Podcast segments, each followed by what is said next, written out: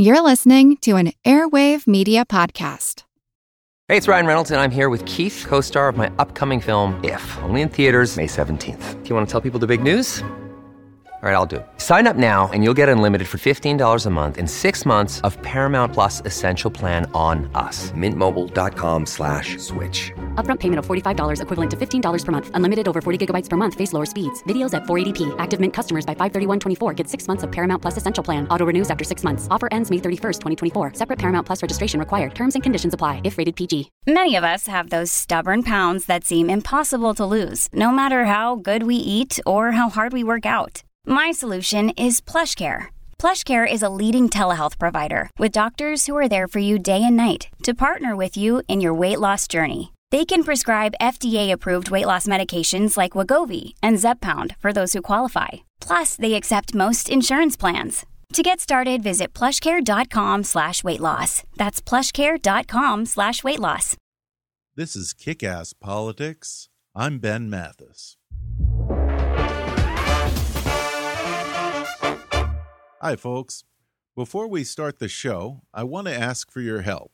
If you enjoy Kick Ass Politics, I hope you'll help us reach our goal of raising our full production budget for 2016 by donating on our website at kickasspolitics.com or at gofundme.com backslash kickasspolitics. Thanks for listening, and now enjoy the show. Hi, I'm Ben Mathis, and welcome to Kick Ass Politics. When disaster strikes, my guest today snaps into action. He's Steven McAndrews, head of emergency operations for the International Red Cross and Red Crescent Societies in Geneva. And for the past two decades, he's been on the front line of natural disasters in Asia, Africa, South America, Haiti, the Caribbean, and the Middle East including the super typhoon that hit the Philippines in 2014, the Ebola outbreak in Sierra Leone, the recent Nepal earthquake, and in Lebanon, Jordan, and Greece as head of emergency operations for the Syrian refugee crisis. Today, we'll talk about the process when crisis strikes and the Red Cross has to mobilize a disaster response effort within hours. And we'll talk about the problems presented by a very different type of disaster as an estimated 9 million desperate Syrian refugees flood neighboring countries in the Middle East and Europe. We'll talk about the daunting task he had when trying to contain the Ebola virus in Sierra Leone and how it required re educating Africans about long held superstitions and rituals regarding health, medicine, and funeral traditions. Coming up with Steven McAndrews, head of emergency operations for the Red Cross, in just a moment.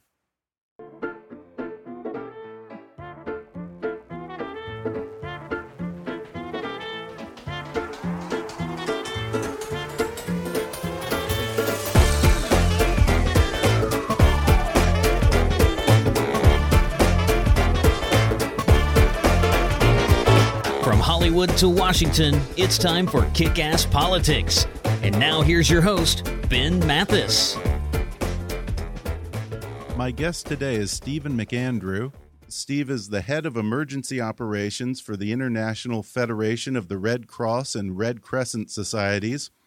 Over his 15 years with the Red Cross, he has helped with responses to natural disasters in Asia, Africa, South America, Haiti, and the Caribbean and now, most recently, he's coordinating the Red Cross Red Crescent effort to aid the more than 500,000 Syrian refugees displaced and living in Jordan. Steven McAndrew, thanks for coming on the show. Thank you. Um, I think you read from an old bio there, actually. Uh oh. Jordan was my last response in okay. 2014. Ah, after okay, Jordan, yeah. I headed. They need the, to update your bio over there. Then. yeah, I did. I said I think that's an old one. I sent. Okay. Them, so, I mean, after Jordan, I was head of operations for the Red Cross response to Ebola in West Africa. Okay, right, then, right. I have yeah. that. Okay, then I was head of Nepal earthquake response last year, and right. I'm just recently returned from Greece, the European migrant operation. Okay, first of all, I'm curious about your general process when dealing with any kind of disaster, and then I want to talk about the Syrian refugee crisis. When a disaster hits somewhere in the world and you have to quickly mobilize an operation, walk us through that. What are usually your the first things that you do? Well, every day there's disasters that hit somewhere in the world. So if we have a national society like we have here in the United States, we have the American Red Cross, they will respond to all sorts of disasters every day of the year.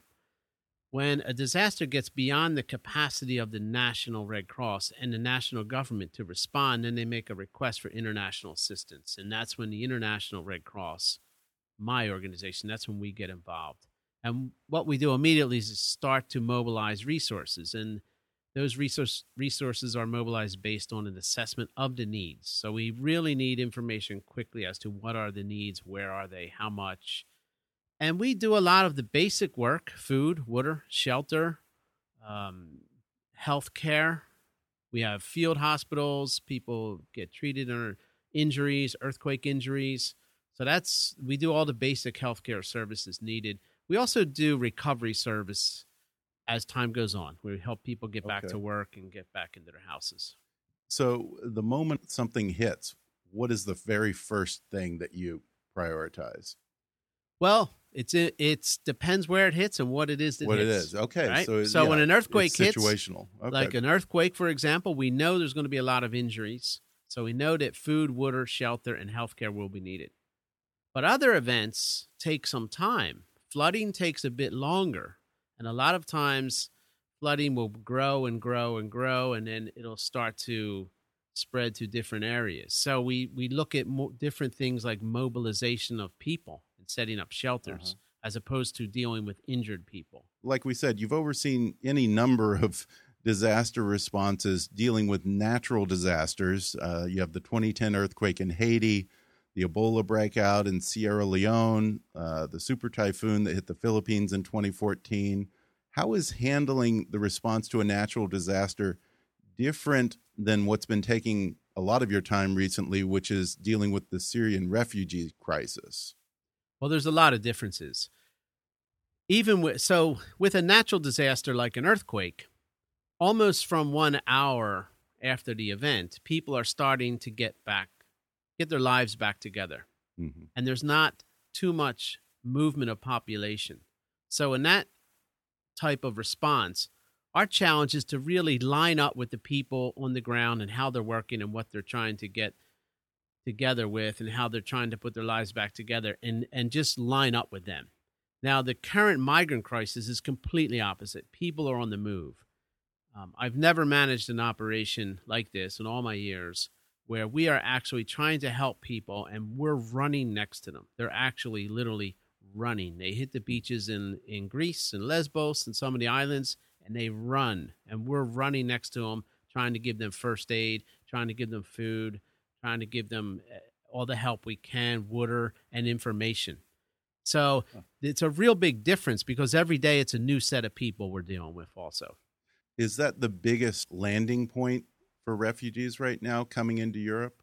At the moment, at the moment, yes, the biggest landing point, the biggest entry point is Greece. Okay. Um, over 850,000 people arrived to Greece by water last year in 2015. But things are changing now. So now the borders are really tightening up. There's a new agreement with the EU and Turkey, and people are starting to be sent back from Greece. So this could change again. Early last year, the main entry point was was Italy. People were leaving from Tunisia That's what I and thought. Libya Yeah. and even Spain. They were going Yeah. across. So it may change again. Now, are these mostly refugees from Syria or Libya? The lot, about fifty percent of them were Syrians. Okay. Second largest group was Iraqis, and the third was Oh. Afghans. After Oh, that, really?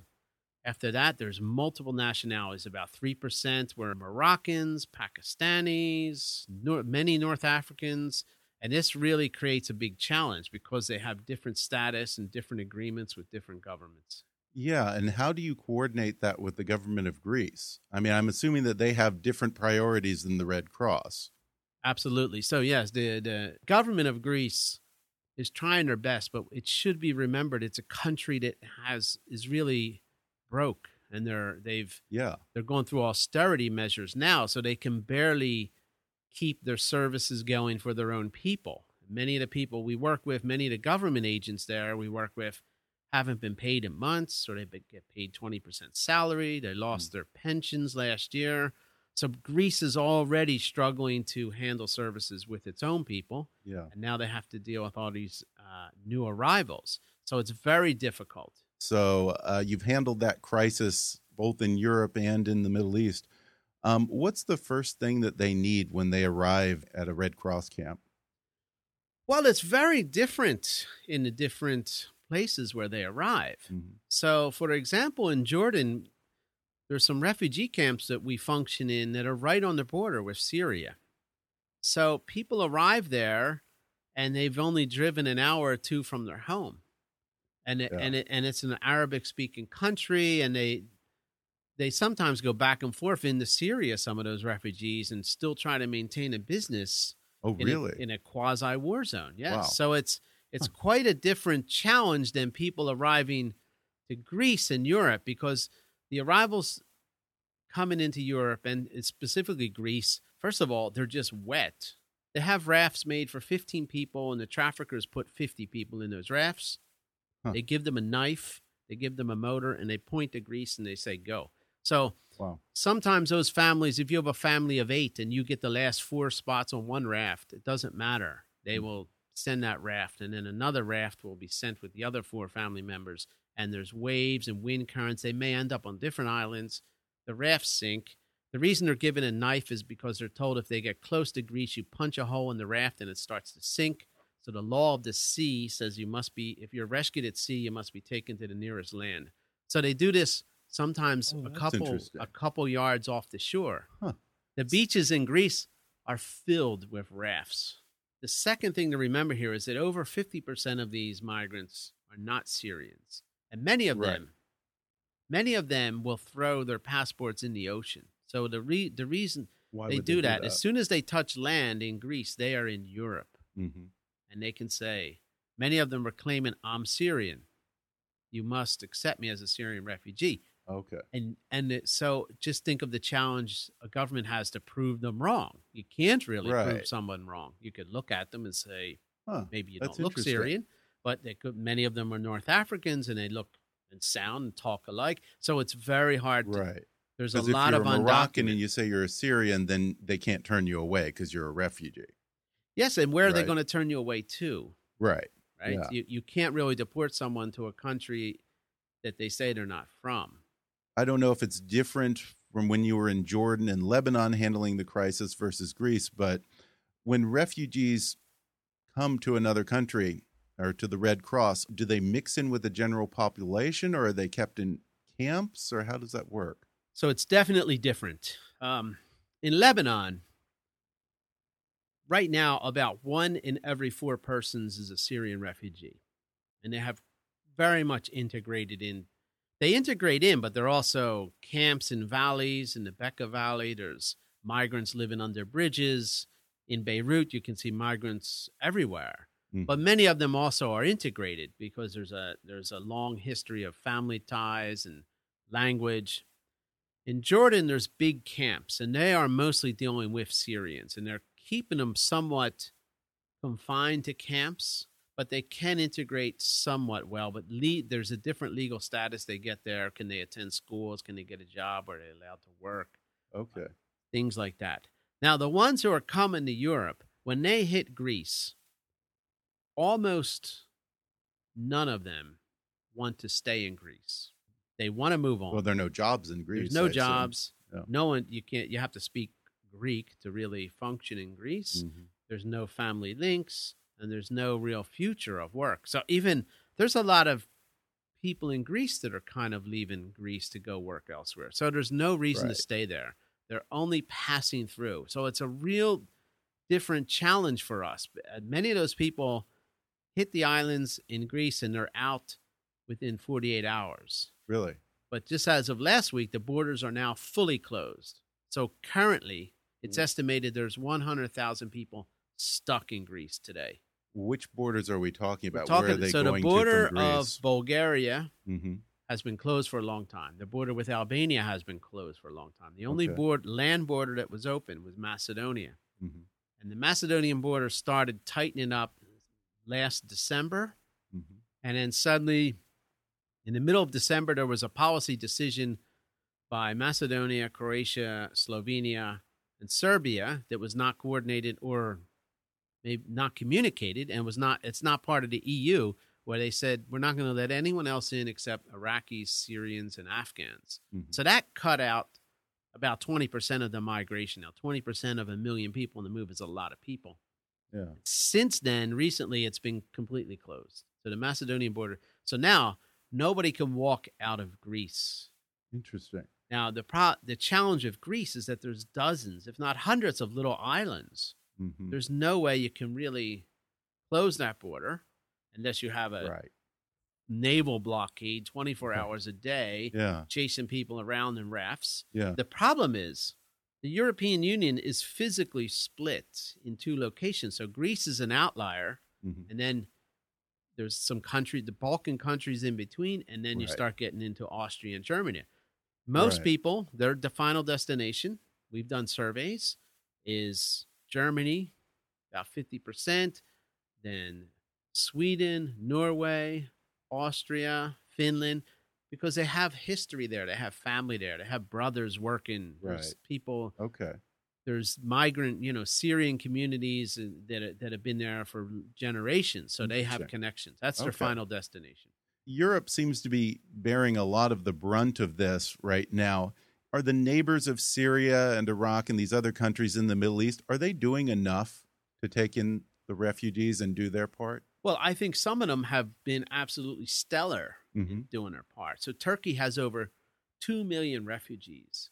Over two million refugees. There's no other country in the world that probably could handle that amount and the and do it well like they're Yeah. doing. So the Red Crescent in Turkey has we have 19 camps. Kids are given school, there's food, there's everything. They're even given somewhat work permits. But there's a limit to what they can do. So Turkey's kind of the their the fabric of of Turkish society is feeling the pressure of this amount of refugees. Now, Yeah, other so. other neighbors like Lebanon, I they one in every four person is a refugee. So Mhm. how much more can they take? And there's not a lot of work, and it's not a big country. Jordan, I think, has done. They're doing their part also. I mean, they have they have two. They have many Syrians there. They have giant camps. They're doing their best, but there's other neighbors that are that are doing less, doing Yeah. more. So it's The a subject- Saudis, I don't see them taking in many. Saudis do not seem to be taking Yeah. any in that I'm aware of, but Well, in Europe, there are obviously big cultural differences that have become a problem. it's easy to say a clash of cultures or cultural differences, but really, what are the specifics of mm-hmm. that? And I think some of the specifics could be somewhat the separation of church and state. We take that for granted. Right? The separation of church and state. Right. And many of these refugees are coming where that is a concept that's never even Right. doesn't exist, Right. right? The- it the- permeates everything. right the government is the church Yeah. i mean it so even you know the islamic republic of iran is an it's a, it is an islam why would Yeah. it's not separated they're trying to so people are raised with a different mindset about their religion for Mhm. one and that leads Okay. into other things like treatment of women or non-treatment of women Right. the second um i think that integration is a great word but it's a very difficult thing to achieve Well, yeah. so I mean, and when you get more and more numbers, um, you know, a, a one-hour discussion at a reception center with someone who's Mhm. just lost half their family in the ocean, climbed over a mountain, Right. went through tear gas in the Balkans, has been on a three-month journey. Just to give a one-hour integration discussion on how we act here, yeah. it's really not going to Yeah. sink in. So I think the time, the, the horizon for planning on integration probably needs to be extended. It takes mm-hmm. generations to integrate, I think. It, it takes Yeah. years. And maybe children that are born in a different country and raised there, then they can fully integrate. But I think it's a very, very difficult challenge. Yeah, it seems like it. But is it a long term situation? Are these people looking to move and restart, or are they just there as temporary migrants? That's a great question. Now, many of them. So most of the Syrians that I've talked to personally, and even that we look at in our in our surveys, many of them would and would like to go back to Syria because in, Syria is actually a well off, fairly well off country. Right. People are educated, and Right. it, they like living there. So most of the Syrians will say, "I would love to go back," and they probably go thinking that this will be temporary. Now, there's no end date on this war in Syria hmm at this point in time. Right. They say, I would love to come back. But if you don't have a date, you have to assume you'll never go back. Right. Now, I think if the war in Syria were to stop, calm down, or some resolution, many would go back. But many of the others, definitely, like the two Dominicans I met, they're not planning on going back. Yeah. And Yeah. many of the many of the Asians, the Africans that are joining in here, they're they're economic migrants. They're looking for a better life. Well, we're going to take a quick break, and then I'll be back to talk more with Steven McAndrew, head of emergency operations for the International Red Cross. Back in just a moment.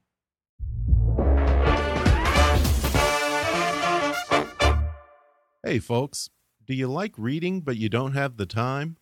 Then maybe it's time to start listening to audiobooks. Audiobooks are the perfect thing to listen to on your drive to work or on the treadmill at the gym, or how about while you're cooking dinner or relaxing in the tub? You don't have to carve out an hour or two of your day just to focus all your attention on reading a book anymore, because audiobooks are great just about anywhere. And right now, you can listen to an audiobook for free with a special promotion for our listeners from audible.com.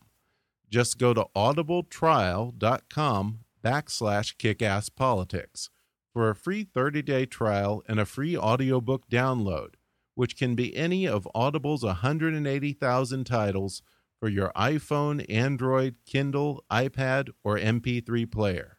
That's audibletrial.com backslash kickasspolitics or click on the sponsor link on our webpage at kickasspolitics.com to download the free audio book of your choice.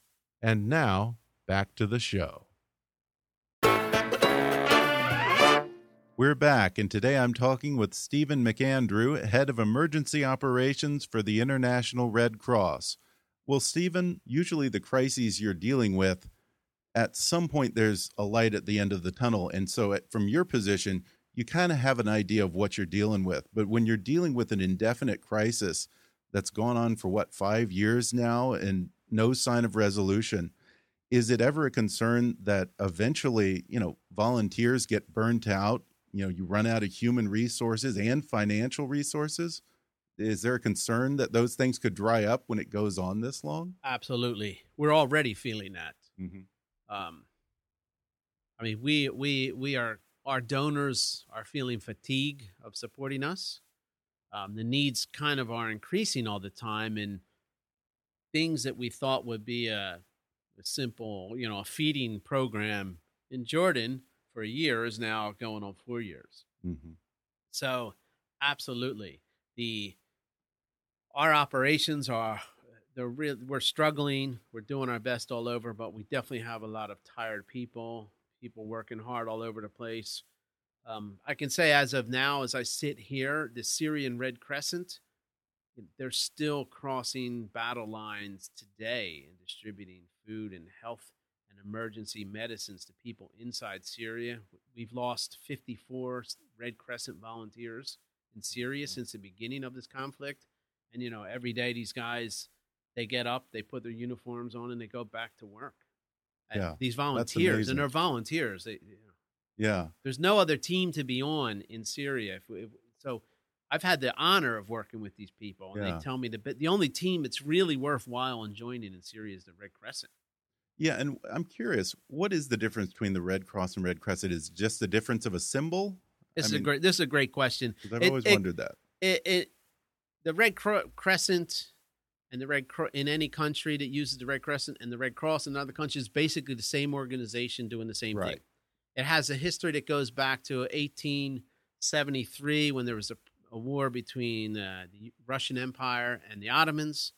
Mm. and the international red cross was hoping to get access to that battlefield and the ottomans said well we view the Red Cross as a religious symbol, we would prefer to use the Red Crescent. Well, So that- yeah, that's I mean, how it it looks started. a lot like a crusader symbol. Yeah, and from so- the Middle Ages. Yes, exactly. Yeah. So the Red Cross and the Red Crescent they have a long history, but it's the same Okay. thing now. It's internationally recognized. It was Is re- it Arabs that work on those teams? Is is it a different group of people?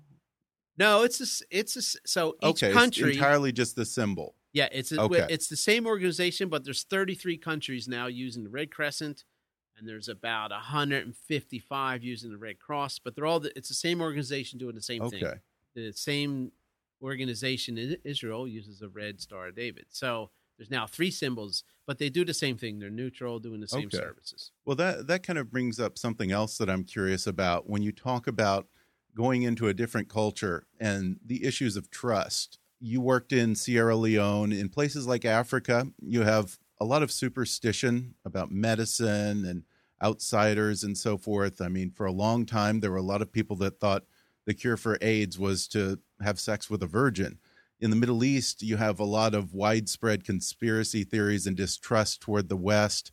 Do you encounter that kind of distrust and misinformation, and how do you combat that?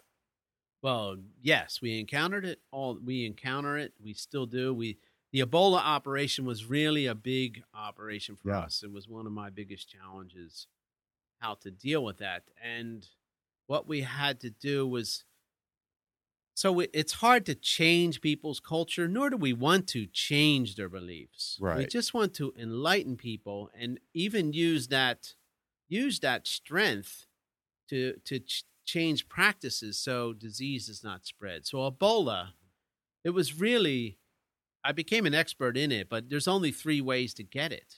It's either you or someone has it and they just live on top of you and bleed all over you and and even then someone who has it in a house of 10 people, only 3 will get it out of that.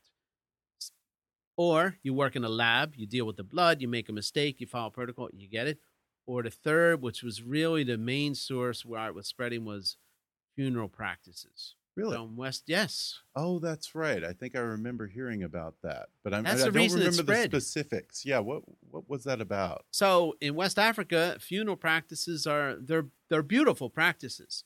Bodies washed, and then uh, everyone, loved ones, family members, they get to say goodbye. And the tradition is to touch the body, touch the forehead, Mm. kiss the body. It's really actually their final goodbye, and this is a deep rooted tradition. And it just so happens that in Ebola, when a person dies, the most toxic time is after death, and the Ebola Really? is kind of coming out through their pores. Huh. So that was really why it was spreading so much. And even in Sierra Leone, there was a there was a great healer, natural healer in Sierra Leone.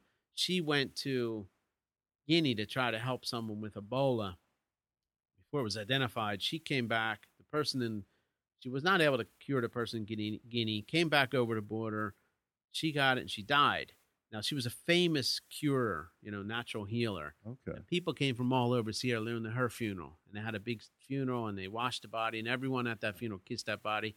Within a week or two, we had Ebola in almost all the states there. It Oh, wow. rea- so it was the funeral practices is really what was spreading the Yeah. Ebola. So we had to change that, So, and we had to how do, do you do that? Because so- you're challenging people's beliefs. yeah. That's got to be a huge challenge. it was a humongous challenge. Yeah. But the way we change people is is really it's it's a lot of it's information campaigns, it's training. We had rate and we used traditional West African ways of doing this, which is through music, and we did television Really? shows. We had soap operas. We hired, Oh, that's and really then we we had burial teams. That's so smart. Yeah, we had over 500 Red Cross volunteers doing burials. We were burying 100 people a day last year in, in November, uh, 2014, I should say.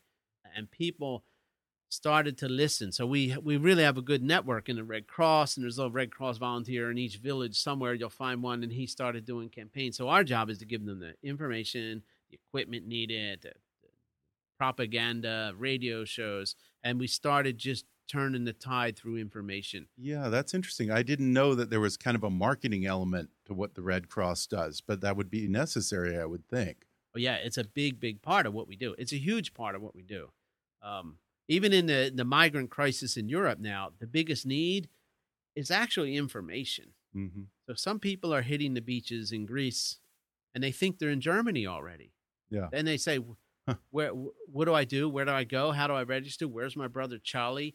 You know, just Oh wow. where's the medic? We have people coming up in the shore and throwing their their diabetes medicine in the water because they say, "Hey, now I'm in Europe. I'm you know I, I don't need this stuff anymore." Just Yeah. information is really information. So I would say Ebola, it's it's um it thrives in ignorance.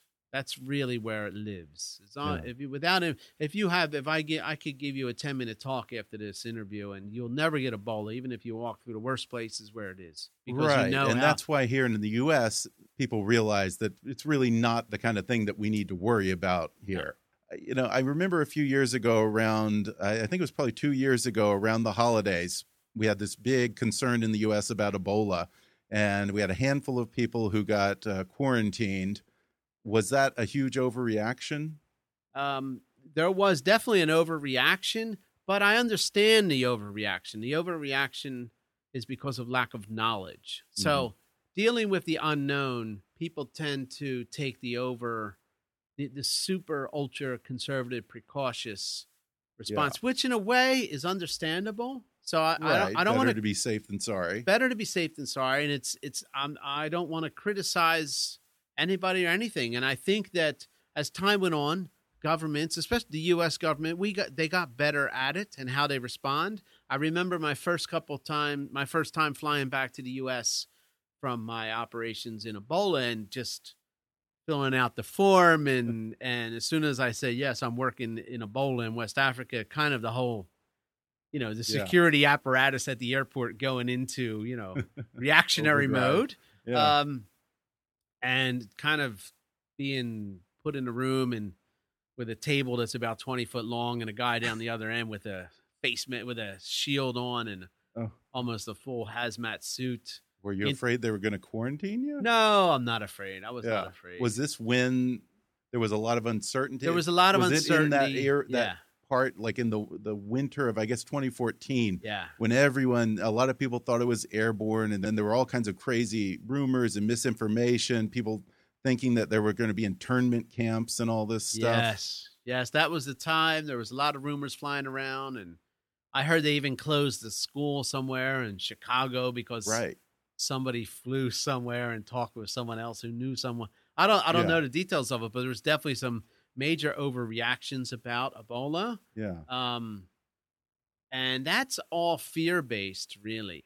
But those first couple times I flew home, I flew home for Christmas, and and uh, I I would end up at the end of this interrogation, kind of telling these guys all about how Ebola works, and Oh, really? so um, yes, and and it was really yeah. So it's about sharing knowledge. yeah. Um, some people did get put in quarantine, and there was major indignation, and then Right. Skyping every night on the UN, just Right. saying how horrible this is. But those workers, my coworkers, I uh, at least the ones that I was working with, I had I had to remind our teams, hey, we're dealing with fear, right? And people are Yeah. scared. So the first, the the last thing you want to do when there's fear around is just say, this is ridiculous. Your fear isn't real, Right. because then it makes it worse. Yeah. Actually, And I was thinking to myself, what happened to that? Yeah. I, I found myself wondering, that was such a big deal for about a month. And then I have no, did it just disappear? Did we just Yeah. forget? Uh, I think we're living in a world where we we're getting more and more the mindset, well, someone else will take care of this mess. Hmm. Right? So yeah. Sooner or later a big mess is going to come by that someone else is not going to take care of, that we're all going to have to come together to take care of. In Sierra Leone, they still have village meetings and the village Yeah. elders, right? There's conversations. there's yeah. there's a dialogue and people listen to each other and they they will come together to to make change so depending upon the nature of the next outbreak if it requires something more than a than an online solution i don't know if we're going to be able to handle it because Yeah. people yeah it's it, when a crisis hits it's really hard to suddenly talk to your neighbors and friends if you haven't done it all along That's true. When you don't have that community built in. yeah Yeah. Uh, when you see people who have lost everything and had their lives destroyed by an ongoing needless civil war involving a brutal dictator and a horrific terrorist pseudo state, is it hard for you to have to deal with the fallout of those types of situations and not choose a side? So for me, I mean, How do you not do that? for me, it's it's not hard Really? because I know, you know, just not taking one side or the other doesn't mean I'm not taking a side. hmm I, we take the side of the victims, Yeah. right? And that's the only side that I think's worthwhile to be on. I understand why we're doing what we do, and I understand what the who we are in the Red Cross, and and our neutrality gives us trust, hmm especially in conflict, especially working with governments. They know that we're we're not going to take one side or the other. It gives us access. Yeah. So we have access where no one else has access. Now the price of the price of neut- neutrality is not cheap. So by being neutral, we we do have to not denounce when we see Yeah. something wrong, you know, and we see a lot of wrong. Yeah, I Um, would think that would be hard. It, it is hard. Yeah, I mean, it's definitely hard. It's not for everybody. Some people really want to make a difference in a different way, which is good also. When I we have probably forty percent of this migrant population's children. And some of those Yeah. children, they're coming out of some of the worst, the darkest nightmare on the planet right now, and the stuff they're seeing, and they're fam- losing family members, Mm. and they come across a, a, on a boat, and half their family drowns off the boat, and they get punched and tear gassed, you know, at the borders through Europe. Really? But some of those eight year olds and six year olds, they will make it. Mhm. And some of those guys, some of those young kids, they're just going to be absolutely super powerful, honed humans for the future. That's that's Yeah. what gives me hope. I say anyone that can really go through that and come out the other end, yeah. just kind of the way a diamond is formed at the most, you know, tumultuous, pressurized part of the planet is the same way I think some of these some of these young kids that are going through this. That so I, I tell myself that, and I can help that process. Yeah. I help them get some food and some water and some shelter along the way, and maybe they'll remember that someone did care about them. Yeah. What advice do you give to a Red Cross, Red Crescent volunteer who's working on their very first disaster? Listening, Really? Yeah. The one thing I've learned the most, the thing I do the best in my career is I listen. I listen better than when I started. Hmm. I still don't listen all the time. And I think a lot of people just don't listen at all. But if you need to help someone, to, in order to help someone, you really need to listen to them.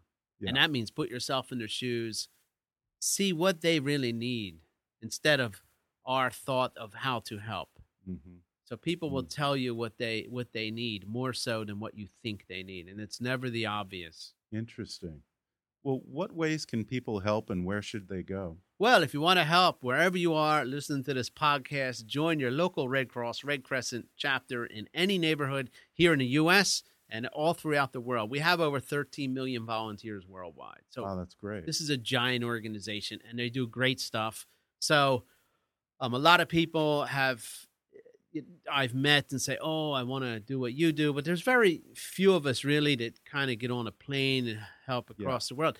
Really, if you want to help the world, help your world wherever you are, Mhm. you know, and find out what's going on. So, right here in LA, we have a great well, American Red Cross in Los Angeles is fantastic. You know, Yeah. they do great work and Yeah. all sorts of stuff. Join the Red Cross, and if, and if you don't, the Red Cross is not for you. There's a lot of other organizations around.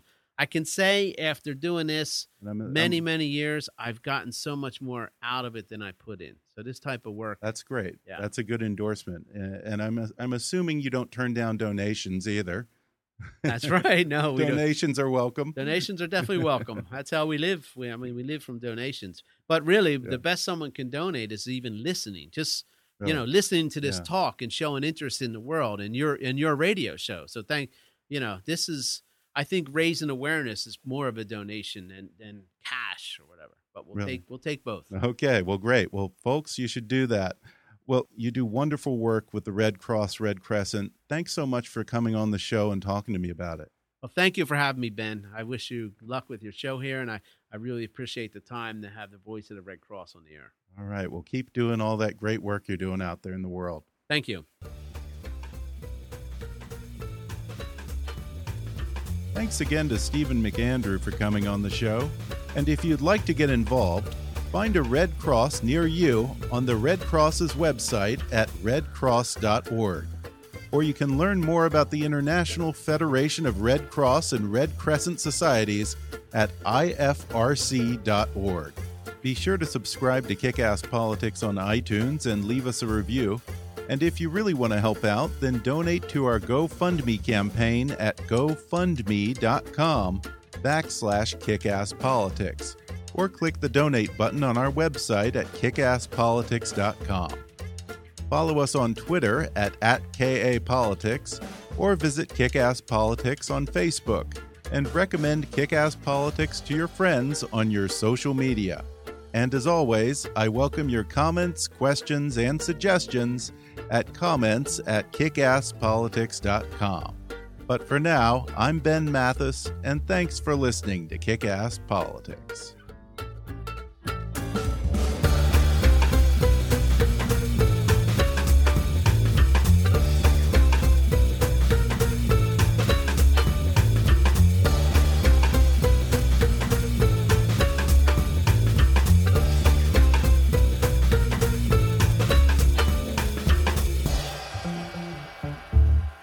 Kickass Politics is a trademark of Mathis Entertainment, Inc.